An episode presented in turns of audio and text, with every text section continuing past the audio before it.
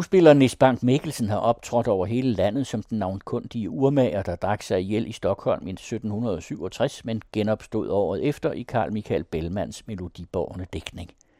Han har sunget om Jean Fredman, glædespigen Ulla Wienblad og alle drikkebrødrene på turné i Sverige sammen med den store visesanger Martin Bakke, for dronningen på Hofteatret i København og to gange i Børshuset i Stockholm, hvor det svenske akademi har sine lokaler. Selv blandt svenske kendere anses Nis Bank Mikkelsen, der i april fyldte 75 år, for at være en af Nordens største Bellman-sangere. I denne samtale med Peter Skel Hjort fortæller han om sit liv med Bellman.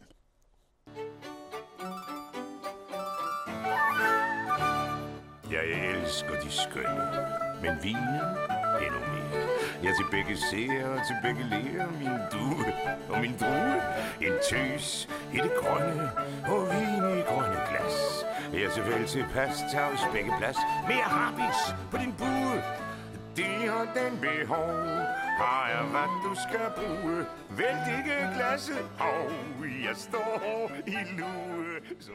Juleaften 1944 kom til at sætte sit præg på skuespilleren Nis Bang Mikkelsens juleaften mange år frem i tiden.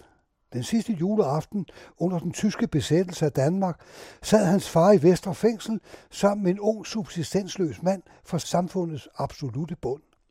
Hans far havde lavet illegale blade, og det var han kommet i fængsel for. Hans cellekammerat havde stjålet en tysk officersfrakke, og det havde sat ham i fængsel. Juleaften sang de en julesalme sammen, for dog at få en fornemmelse af jul, og så skete der noget overraskende. Den historie skal Nis Bang Mikkelsen selv fortælle. Ja, jeg er jo ikke født på det tidspunkt, men jeg har jo fået historien fortalt så mange gange. Ja, der sker det, efter de har sunget den julesang, og min far havde en bibel med, og jeg vist også læste øh, juleevangeliet, så bankede det på celledøren. Og så kom den tyske oppasser og spurgte, om han ikke godt måtte komme ind og synge Heiligen Nacht en gang til med dem. Altså, han var jo også en taber i krigens år. Krigen har tabere på begge sider, så det var jo en historie, som øh, har præget min far, og han skrev en artikel eller en, en, en kronik efter krigen. Altså, fjenden var med ind og synge et julebudskab om fred på jord.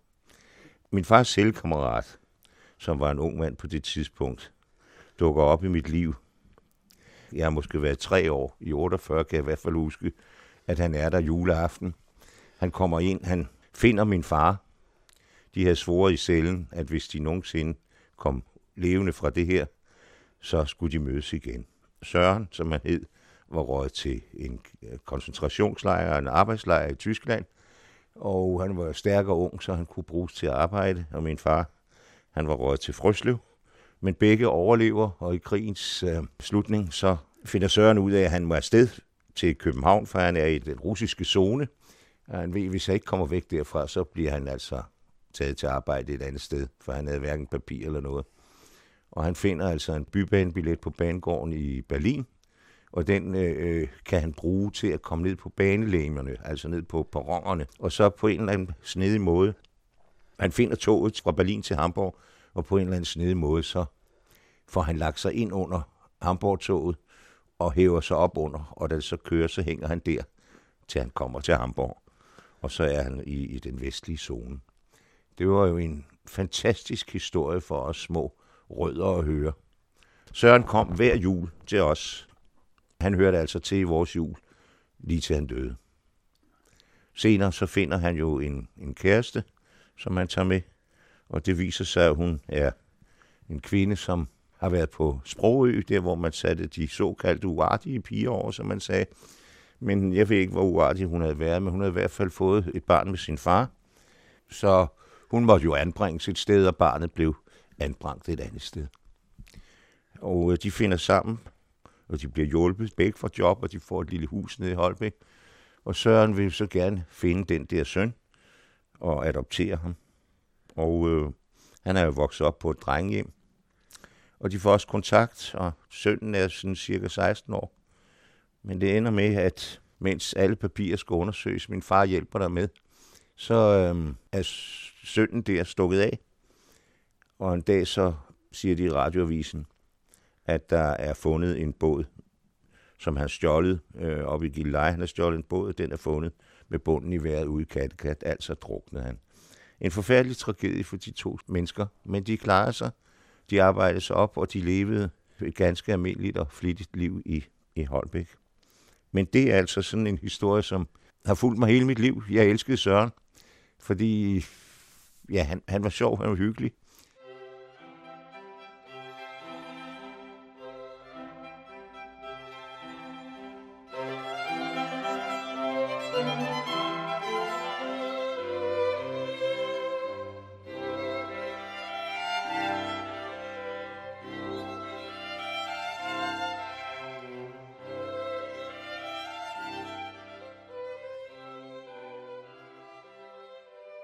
Har det med Karl Michael Bellman at gøre? Måske er der en rød tråd fra Nis Bang Mikkelsens sociale engagement for samfundets svageste til hans interesse for at fremstille Bellmans figur på dansk med sin karakteristiske dybe stemme. Og det sociale engagement er måske en arv fra hans far, den kendte forsvarschef N.E. Bank Mikkelsen, der gennemførte store reformer af det, der dengang kaldtes åndssvageforsorgen, samt mødet med Søren og Ellie, der havde haft så svær en start på deres liv. Nis, hvordan er din vej til Bellman? Ja, min vej til Bellman, det er jo i gymnasiet, hvor vi har sangundervisning. Vi skulle synge sange for, for højskolesangbogen, og, men det var mest matematikopgaver, jeg lavede de der timer.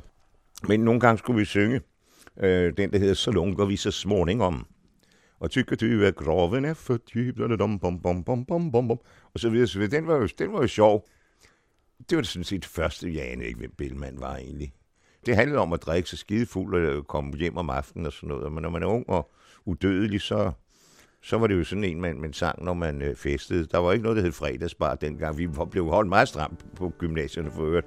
Men vores interesse for de spirituøse øh, væsker, den var jo naturlig, ligesom det er de hos de unge i dag. Så går vi lige så stille hjem fra bak i buller og tumult Når døden råber, kom min ven, dit timeglas er fuldt du gubbe, smid din krykkestok. Og du, du yngling med dit savn, tag du blandt nattens nymfeflok, den skønneste i farven. Synes du, at kraven er for klam, når hvad så, så tag dig nok en dram. Efter den endnu en, endnu to, endnu tre, så dør du gladere.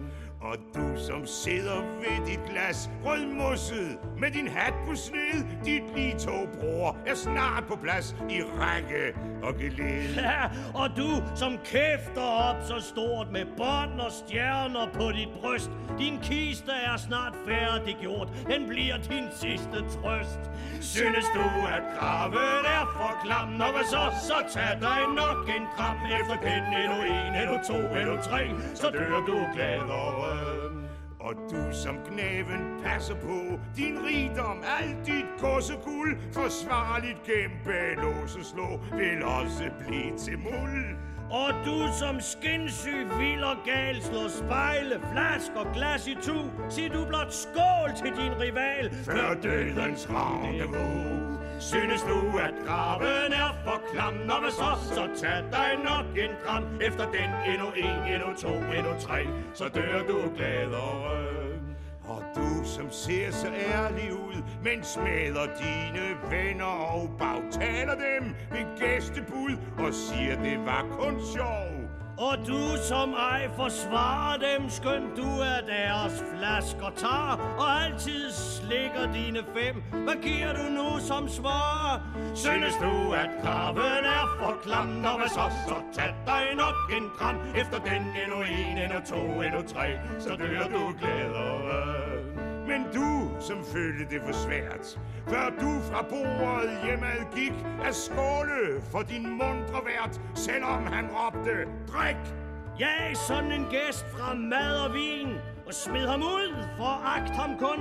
Jeg kører ham bare helt til grin. Slå glasset fra hans mund. Synes du, at graven er for klam, når vi så så tag dig nok en kram. Efter den endnu en, endnu to, endnu tre, så dør du glad over. Er du tilfreds, så gør som jeg. Pris du dit liv og følg dit spud. Hvis ellers vi skal samme vej, så følg mig kun. Drik ud!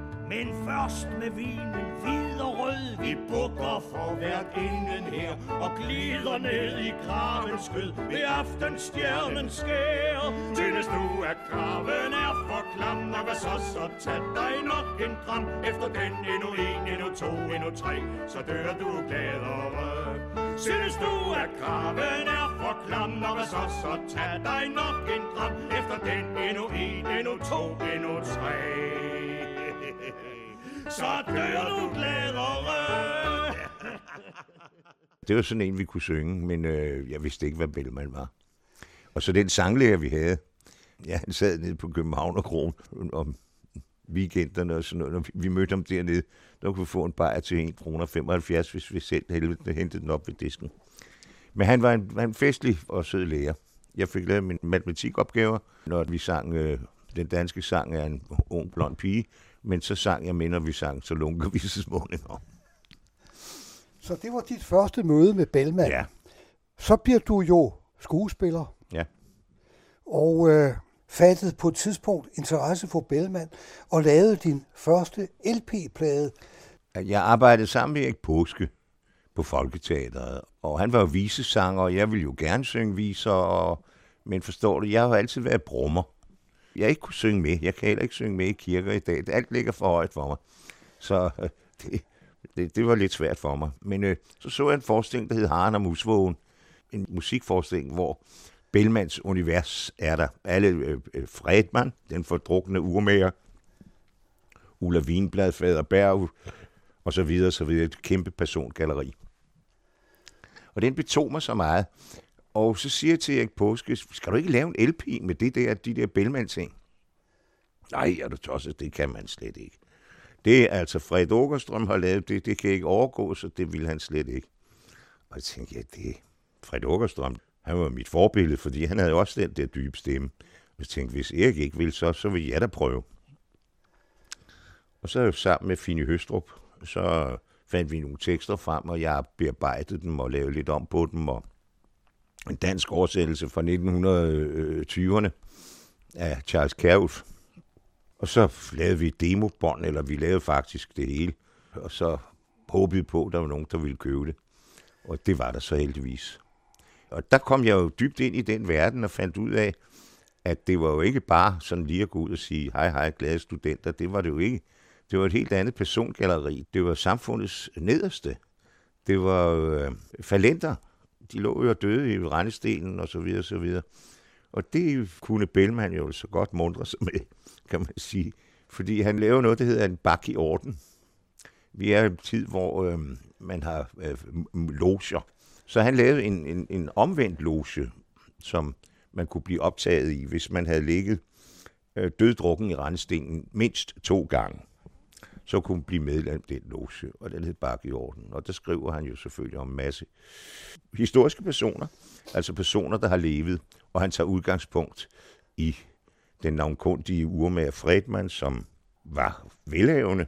Han øh, lavede øh, øh, slottets uger, kirkenes uger i Stockholm, og han var øh, ja, velhavende. Han kom på slottet, og, men han, han øh, går altså i hundene. Han bliver ramt af flasken.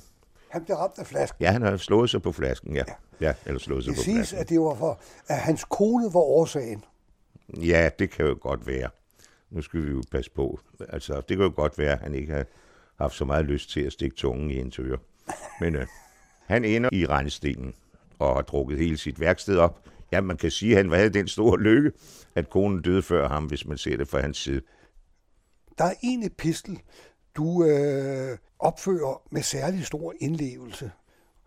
Det er epistel 23, Ak kære mor, om Fredman, der ligger foran krogen Kryb ind. Ak, kære mor, sig hvem som sendte dig just til faders seng. Du til mit liv den første gnist optændte, ak, jeg arme dreng. Du leder hede derfor hernede, træt jeg slipper mig. Da elskovstale dig, måne svale, brændte mit blod i dig. Tvi dig låst og kom for din jomfrudom. Tvi de gardiner, lanerne fine, man til dit leje tog. Tvi dine øjne og din jomfru mine, som min far bedrog.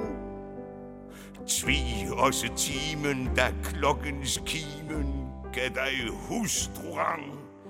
Tvi dine bene, de var i scene, flux i sengen sprang.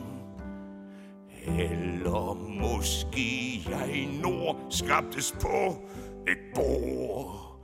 Tvi begge to, jeg inderligt fagter, elsker og håb og tro. Her blandt i rendestenen jeg betragter mine gamle sko. Tvis ikke hele, bukserne fæle, frakken hul ved hul. Revn i ryggen, lus i på ryggen, skjorten sort som kul. Åh, så klør min krop, kom og hjælp mig op. Føl mine hænder, mager og kolde, ryster ved mindste larm. Vissen og slap, jeg knap engang kan holde oppe mere min arm. Hektiske kinder, øjne der rinder, stemmen knap giver lyd. Aldrig min tunge mere skal sjunge ud al verdens fryd. Om elskovs lyst og kval og en fuld pokal. Læsk dog min tunge, sødeste væde, spring flux af krukken ud. Jeg er en hedning, sjæl og krop med glæde, dyrker vinens gud. Fattig, fordrukken, kun her i krukken findes min lædom. Nærmest nyden nøden, skimter jeg døden, ja, så drikker jeg den tom. Den i min sidste stund kysse skal min mund. Se, kron åbner, op døren lukkes, folkene klæder sig på. Stjernen af morgenrøden satte slukkes og må forgå. Solen jeg skimter, tårnene glimter, luften bliver slun. Hvor er nu kappen? For her ser jeg trappen ned til bakhusstuen. Giv mig en snaps, min sjæl tørster snart ihjel. Skål du, jeg må nok ordne min skjorte, tumle til bord og glas. Nu skal de stive lemmer blive smorte, og ja, her har jeg min plads. Hejse courage, sikke en menage. Oh, den var krabat. Giver fart i blodet, gør klart i hovedet. En til, en til, kammerat. Endnu en snaps jeg tager. Skål da mor og far. Tak for jeres sengeleje. Skål, jeg veder. I ville have en dreng. Tak, Bo, som hugget høvlede sædebrædder til min fødselsseng. Tak for din lue, al din formue. Tak, papa, for din mas. Kunne vi mødes, skulle du nydes til et mægtigt kalas. Jeg skulle drikke dig lige så fuld som jeg. Mm, og lige så fuld som jeg.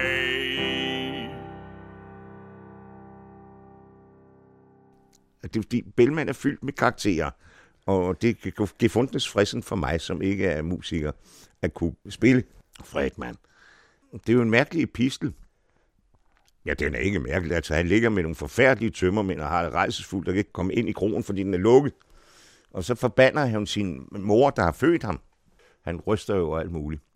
Og det er sådan lidt i stil med, med Job i Jobs bog, som sidder der i øh, askedyngen og ikke kan øh, noget som helst. Hvorfor går det så galt for mig? Og så forbander han jo også sin mor, de to lår, jeg kom ud imellem, eller hvad der står. Og så pludselig så åbner krogen. Og så kommer han ind, og så får han et glas, og så begynder livet at komme tilbage. Og så, så vil han jo gerne mødes med sin afdøde far, og så kunne de sammen drikke sig skide fulde igen, hvis det var sådan. Og nu nævnte jeg det der med Jobs bog, men der er også nogle, jeg også, jeg har været ude og synge det, de her Bellman-ting i kirker, Og mange præster er jo også interesserede, fordi de ser jo både historien om Job i den tekst for eksempel, men de ser jo også en slags opstandelse, at han, han opstår af ånden igen. Så der, der var mange slags fortællinger. Og det er ikke tilfældigt, for, for Bellman var opdraget teologisk, han var, var bibelkyndig og ret bibelkyndig. Han laver også de der bibelsange med, med øh, øh Joachim ud i Babylon, og han laver Potifars hustru og Guben Noah. Og den kender vi jo alle sammen, Guben Noah, som er en hedersmand. Ikke? Men hun, Guben Noah, hun er jo hedersmand, fordi han sørgede for, at, at vinen kom med efter øh, søndfloden. Hun giver ham noget at drikke hele tiden. Øh, fik jeg sådan en god mand, så giftede jeg på stedet, siger øh, Bellman. Bellman ja. har et ungdomsstik, der hedder Kom Bakus, lær mig at læse ud af din våde bog i dansk oversættelse. Ja. Og øh, den var nær ved at bringe ham en retssag på halsen for blasfemi. Ja, de er jo ikke ytringsfrihed. De var bundet stramt ind af altså mange regler. Balancerede han sådan på kanten af, hvad der var tilladeligt dengang? Ja, det tror jeg nok. Men øh, det mærkelige er det jo ved det, det er, at det bliver forbudt for folket, kan man sige. Men kongen morede sig jo over det. Altså han blev inviteret op på slottet og synge det. Og så når, når kongen var færdig med at grine lidt af det, så sagde han, Bellman, kan du ikke lave noget andet, fordi du skulle ikke høre alle de der tekster. Fordi Bellman kunne også imitere lyde. Og så skulle, ville han gerne, han skulle, han skulle fjerte som en hest og sådan noget, og, og slå prutter. Det var så sjovt i rokokoen, alt det der. Vi ved det jo også fra fra Amadeus-filmen, hvor Mozart hele tiden siger nogle forfærdelige ting, som om han er Tourette eller noget. Ikke? Og det var ikke kun Mozart. Det var depriverede hoffer, steder, hvor man har kedet sig, har drukket og, og har haft magt og kunne tillade sig alt og forbød folk det andet. Så har de været rundt og sige prut og fis og bum og alt muligt. Så det skulle han også kunne underholde kongen med. Bellmans stikning handler jo også om pastorale udflugter ud i skærgården. Ja. Hvad for en af de viser ser du mest pris på? Det er jo nok øh, epist nummer 48, som hed Hvor ude afmales Ulla Vindblads lystrejse fra Hessingen i Mæleren ja. en sommermorgen. Den har mange vers, og der beskriver han jo en sejltur i Mæleren, han beskriver øh, landbruget, dyrene, øh, øh, industrien, og, og det hele hænger sammen i et smukt maleri. Altså, det, det er helt fantastisk. Og så Ulla Wienblad er jo med som centrummet for de her drikkebrødre. Og hun er jo en falden kvinde, og derfor har hun levet som servitrice. Og hun er, øh, tjener inden for Bacchus om dagen, og så hun tjener inden for Venus om natten. Men hun har også en festmand, som hedder Nordstrøm. Og øh, denne festmand er jo sådan lidt jaloux, øh, fordi øh, de der drikkebrødre mener at de jo alle sammen øh, lige rang til hende. Ikke? Altså, det står der i felt, vi er alle lige rang. Men det ender i hvert fald sådan, at, at Ulla Wienblad øh, smider skørtet og skal i seng, og så kommer Movits op og fejrer Nordstrøm væk. For vi er alle lige rang, og så kommer han med sin, sin basun, øh, hvad og det så er. efter med basun. Ja, og hvad basun så er billedet på, det, det ved jeg ikke, men... Øh. Solen skinner blank og trin, søen ligger spejlklar, Ganske småt en sagte vind i de slappe sejltar. på en hybbåds høje top troner Oles lange krop. Fra kahytten dukker op Kirsten og er sejlklar. Movits tud dem op i luren som forbi nu far Hej, hvorhen går morgenturen? Hør nu, hvad de svarer. Hør, hvor har I hjemme i? Vi fra Låge kommer vi med kartofler, selleri, mælk og æbler. Ulla, kæresten ser på dig, hvor de øjne lå true. Nordstrøm, sæt dig her hos mig, stil din hede lue. Vi har alle samme rang. Stød nu i basun en gang. Prosit, ja, kontandement. Det jeg kalder os nu. Movits, morgensnapsen går. Søen stiger og falder.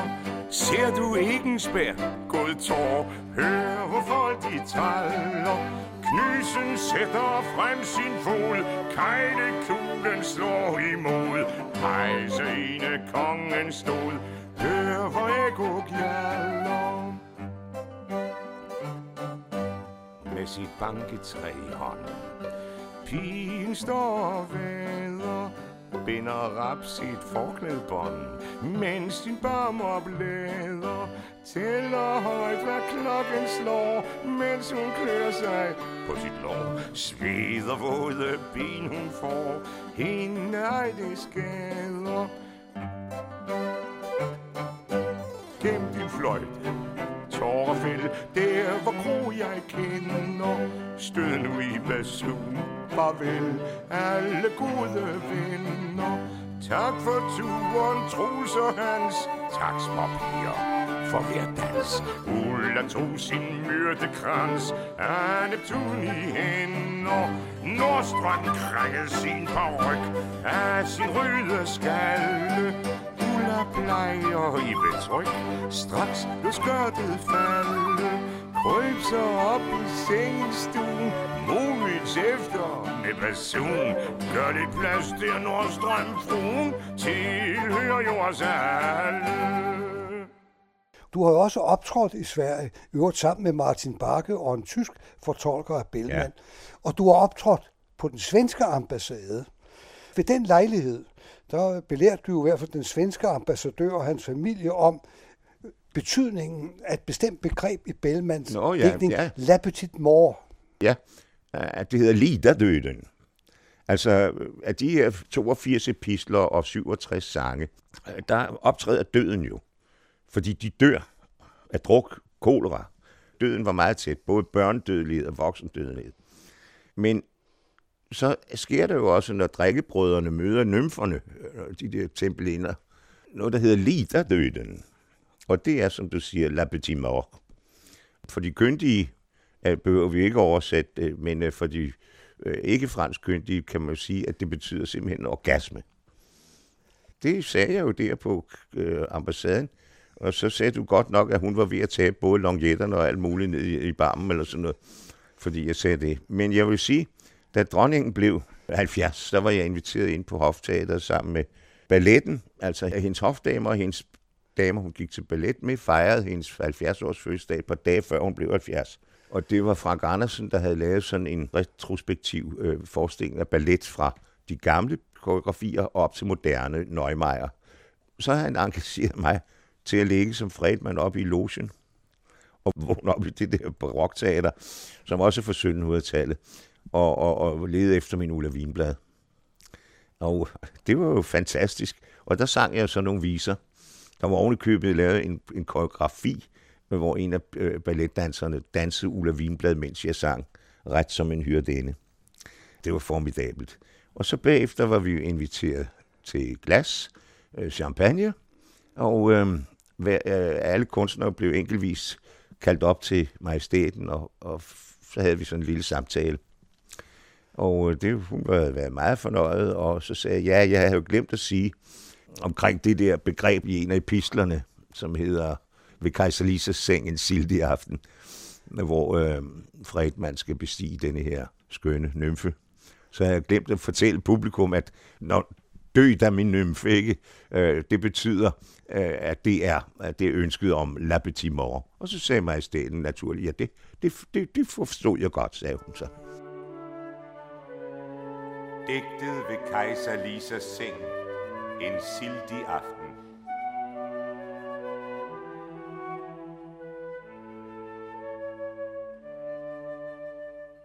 Strålende skat, engel, du blide, svævende syn på bolstrende hvide, skyldfrihedsstyrke, styrke, kom, vi vil dyrke, før vor tællebros går ud. Må føv søvnens gode Gud. Porten i lås, skodderne lukket. Natkappen ned og mød møret er trukket. Se Nordstrøms hårpisk kig. Fra væggen sender nik. Sov, sov nu ind ved min musik. Sov, sov nu ind ved min musik. Bogfinken nys, nys kejser Lisa. Bræt faldt i søvn, just midt i sin vise. Solen al slumrer, nat himlen skummer. Alt er dyb og stille fred. Jeg får Freja synker Regnen der før øsede spande bygger en bro til lysere lande af purpur, grønt og gult, men halvt af skyer skjult. Hør, hør hvor tordenen snorker hul. Hør, hvor tordenen snorker hult.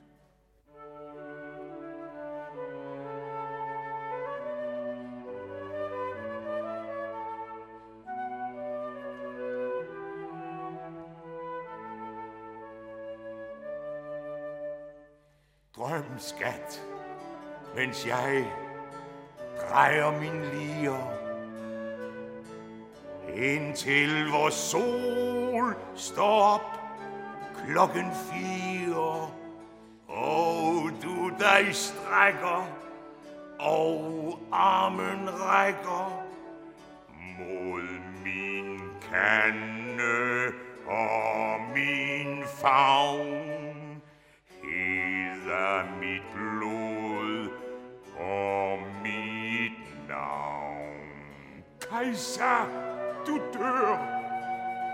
Himmel, hun ånder. Nej, just i livets fryd, du dig vonder.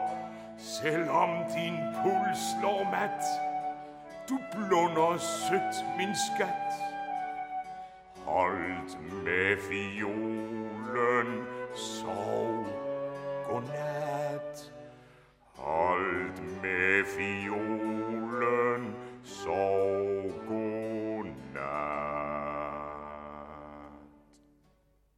Så Jeg vil fortælle en anden historie, fordi vi var nogle skuespillere fra det Kongelige Teater, der skulle optræde for Folketingets medlemmer inde på Hofteateret også for mange år siden. Det har været 80'erne. I anledning af julen, og så var der noget julefrokost bagefter, og vi var også inviteret ned i Snapstinget. Og øh, Ole Ernst havde spillet noget for Jeppe i, i øh, Baronens Seng. Det var også noget med alkohol, ikke? Og øhm, øh, Kirsten Olsen havde vist læst noget af Herman Bang, og, og jeg sang så noget Bellman. Og så sad jeg til bords med en, en kvinde, jeg kan ikke huske, hvem hun var og hvordan hun var. Om hun var gift med en af folketingsmedlemmerne. Hun var i hvert fald amerikaner. Og så synes hun jo, det var så forfærdeligt med den druk, der var her i, i landet, og, og det, jeg havde sunget om. Det synes hun var så forfærdeligt. Sådan føler jeg jo ikke, at vi er en druknation.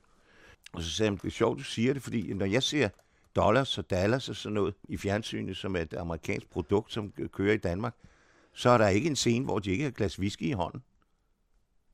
Er det sådan, at Bellmans beskrivelser af livet på godt og ondt i datidens Stockholm på en eller anden måde kan lære os at leve med større intensitet? Nej, det tror jeg ikke. Hvis øh, du hører musik i dag, så beskæftiger det sig også med mange tabuområder, som der skal holde på. Og det er vel kunstnernes øh, øh, måde at, at, jeg vil ikke sige holde styr på udgiverne. men øh, øh, øh, man kan også sige, at sådan som jeg har optrådt med de her, ved at gestalte mig som Fredman, at når jeg synger, at drik ud de glas i døden på, der venter, eller også den der store akkære mor, at det kan man sige, at det er jo et øh, alkoholikerbillede. Det er jo skræmmende. Altså det Bellman også fortæller, hvor skræmmende det er. Jeg blev øh, af en, en litteraturprofessor fra Lund Universitet, jeg kan ikke huske hans navn. Han øh, havde hørt mig i Sverige. Jeg var oppe hos Martin Bakke til hans øh, 60-års fødselsdag. Og der han jo hørt den der store, ak kære mor, så synes jeg, det var fantastisk en illustration af sygdommen i litteraturen. Så Jan Sommer og min guitarist og jeg, vi blev inviteret på et slot oppe ved Kulden, til hvor der var videnskabsmænd og litterater og alt muligt for at optræde for dem, øh, fordi de havde sådan om netop om både videnskab, litteratur og, og, og sygdomme. Øh, og det kunne man jo altså også bruge Bellman-tekst til. Jeg sagde jo som regel altid, når jeg var ude at synge, at vi ville jo gerne være sponsoreret af spritfabrikkerne eller eller af, af Tuborg og sådan noget, men det har de ikke været interesseret i, så nu er, bliver vi øh, øh sponsoreret af sundhedsvæsenet, fordi vi afskrækker øh, folk for at drikke. Hvad har været din største oplevelse med Bellman? Jeg har været to gange på børsen i, i Stockholm, der hvor det svenske akademi kommer, hvor øh, kongen rejser sig, når medlemmerne kommer ind. Jeg har gjort mig til en vane at, at, at optræde som fredmand med et glas vin i hånden. Øh, fordi det kan jo godt tage tre kvarter at stå og synge der, hvis man ikke får noget ind imellem. Så nej, men altså det er en rekvisit, som jeg er med. Og da jeg så kommer op det, det der fine hus, så siger jeg, er, er det muligt at få et glas vin? Det, det findes ind, det her. Det findes ind, det er huset. Så jamen altså, jeg vil gerne have til at... Nej, det, kan, det kunne ikke lade sig gøre. Så var der en, der sagde, ja, vi kan da gå over på pizzeriet over for at få fat i noget vin. Så kan jeg hente han en flaske vin og, og, og glas. Og jeg kan også sige, da jeg kom ind med den i hånden og gik op til klaveret, så de var, de var ved at falde bagover, og jeg kom ind med det i hånden. Men det gennemførte vi, det, det, var, det, det gik udmærket. Så der er regler, og der er regler, og der er regler. Men øh, der er også noget, der skal brydes. Ja. Men hvordan ser du på Bellman sunget på dansk? Der er jo nogen, for eksempel Ingolf Olsen, som mener, at Bellman ikke kan synges på dansk. Og så er der Martin Bakke, der jo rent faktisk har sagt, at øh, nogle vers rimer bedre på dansk end på svensk. Hvordan ser du på det?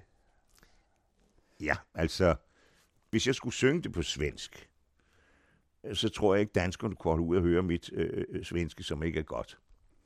Og jeg ved, at øh, danskere, når de hører svenske øh, sanger, der er gode til svensk, så er det ikke sikkert, at de forstår det. Også fordi det er gamle tekster.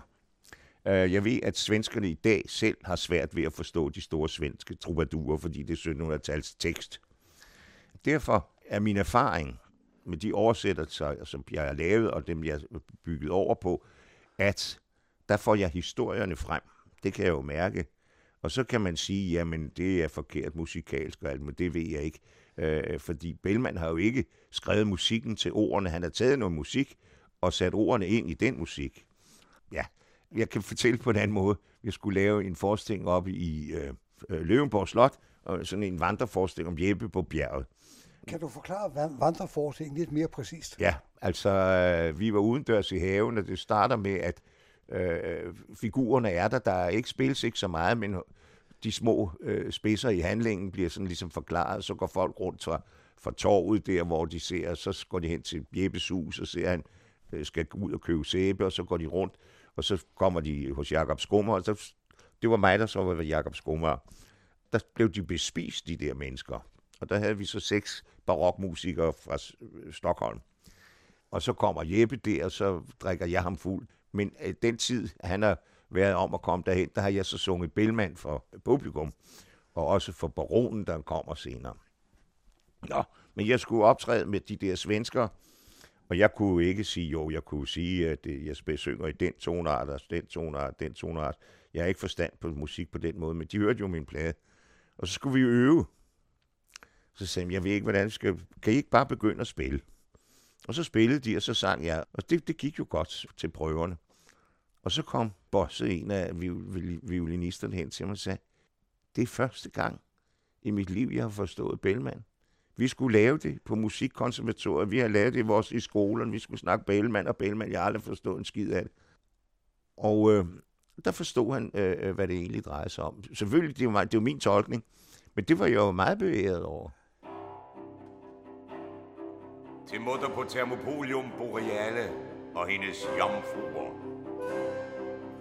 Kæreste brødre, søstre og venner, se Faderberg, han skruer og spænder strengene på fiolen, og buen han villigt tager. Øjet er borte, næsen er kløvet, skruen bliver fugtet, strengen bliver prøvet, ølkanden står på stolen. Han knipser og gør sig klar.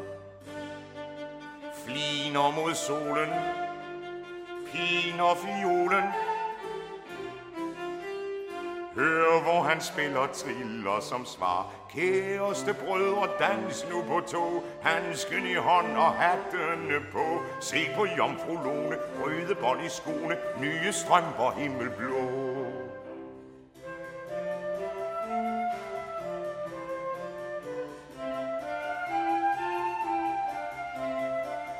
Se Jørgen Pukkel vifter med hatten. Han drikker snap som vand hele natten. Piben han grådig babber og fægter med hånd og fod. Vesten er krøllet stivet af frakken, hårpisken strider mundt i nakken, skjorten er uden knapper, han blusser af brunstigt blod. Lytter til nåden, flytter på foden, Piben han stopper hopper imod. Kæreste søstre, ikke koket. Brødrene danser smukt minuet. Drikker hele natten, uller ret på hatten. Tag min hånd, hold takten ret.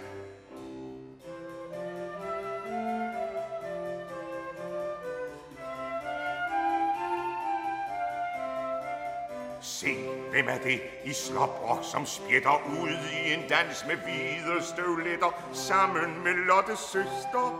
Han taber på ryggen nu. Fandens tekal, han tager jo dem begge, søstren og Lotte. Åh, de er frække. Drik, faderberg, du ryster. Jeg tyndtøller mig en kru. Lad brænde vinen. Lad vende pinen. Snapsen fortryller skyld og min bud. Kæreste søstre, følg bak i bud. Drik, for i nat skal alle stå brud. Venus lysten vækker, spillemanden brækker sig og vender vrangen ud.